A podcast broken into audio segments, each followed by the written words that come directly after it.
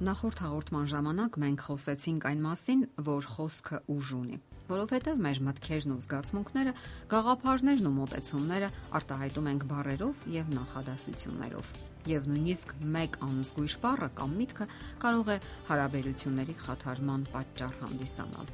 Եվ միևնույն ժամանակ այն կարող է վերականգնել արդեն խաթարված հարաբերությունները, ամոքել վերքերը։ Շատ գեղեցիկ հարաբերություններ փչացել են այն պատճառով, որ ամուսինները հարմար ժամանակին չեն կիսվել իրենց մտքերով եւ խորացրել են թյուրիմացությունները։ Այնպես որ պետք է կարևորել դեմ հանդիման զրուցելը եւ անկեղծ երկխոսությունը։ Կան որոշ սկզբունքներ, որոնց հետևելու դեպքում դուք կարող եք բարելավել ձեր հարաբերությունները եւ նոր հունով ուղղորդել։ Եվ այսպես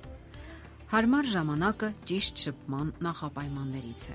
Հնարավոր է հետաքրքիր զրույցի համար դուք անհաջող ժամանակ եք ընտրել։ Եթե ձեզ անհրաժեշտ է կիսվել նրա հետ ինչ-որ հարցի շուրջ, պարտադիր չէ անմիջապես գրոհել, հենց որ ոդկը շեմքից ներս դնի, եւ այն էլ լարված աշխատանքային օրվանից հետո։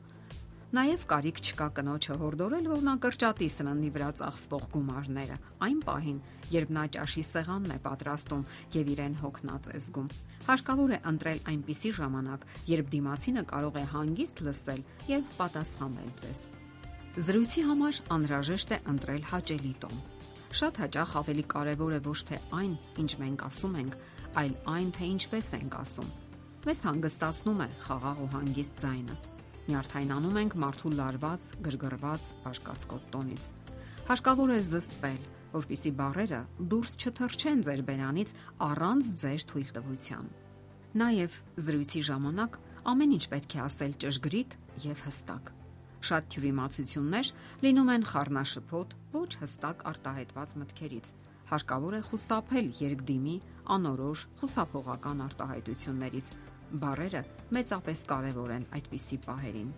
Հարկավոր է հիշել, որ բարյացակամությունը ճիշտ փոխհարաբերության հիմքն է։ Շատ ընտանիքներում ամուսինները ընտելացել են մշտական հանդիմանություններին ու վիրավորանքներին, եւ ցավոք դա նրանց փոխհարաբերության բնականon վիճակն է։ Ձգտեք շփման մեջ բացառել տհաճ պահերը։ Եղեք բարյացակամ եւ շնորհակալ ամուսիններ։ Ասացեք դա գեղեցիկ բառերով, ճիշտ ընտրված արտահայտություններով Նաև եղեք ըմբռնող եւ հարգալից։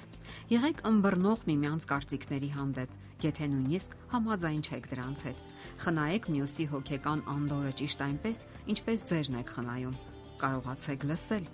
Ձեր խոսքը պետք է գրավի ձեր շփման ժամանակի 50%-ից ոչ ավելին։ Հարկավոր է նաև զարգացնել համբերատարություն, հանդուրժողականություն, ըմբռնողություն, որpիսի կարողանաք ճիշտ արձագանքել դիմացինի խոսքերին։ Եթե նա տարապում է, դուք պետք է հասկանաք նրա վիճակը եւ նույնիսկ տարապեք նրա հետ միասին։ Եվ հիշեք, որ այդ ամենը դուք անում եք բառային արտահայտություններով։ Միայն դեմքի արտահայտությունը բավական չէ։ Իսկ կա մեկը, ով կարեկցանքի կարիք չունի Բոլորն էլ ցանկանում են լսել մխիթարության ու գթասրտության գեղեցիկ խոսքեր եւ տեղին ու ժամանակին։ Երբ հուզված են, վիրավորված, երբ տարապում են, երբ չեն հասկացել միմյանց։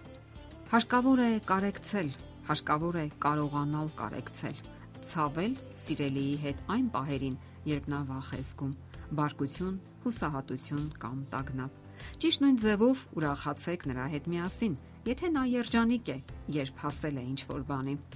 Վերջերս անցկացված հետազոտությունները ցույց են տվել, որ ինչքան շատ ժամանակ են ամուսինները հատկացնում զրույցին, այնքան բավարարվածություն են զգում միմյանցից։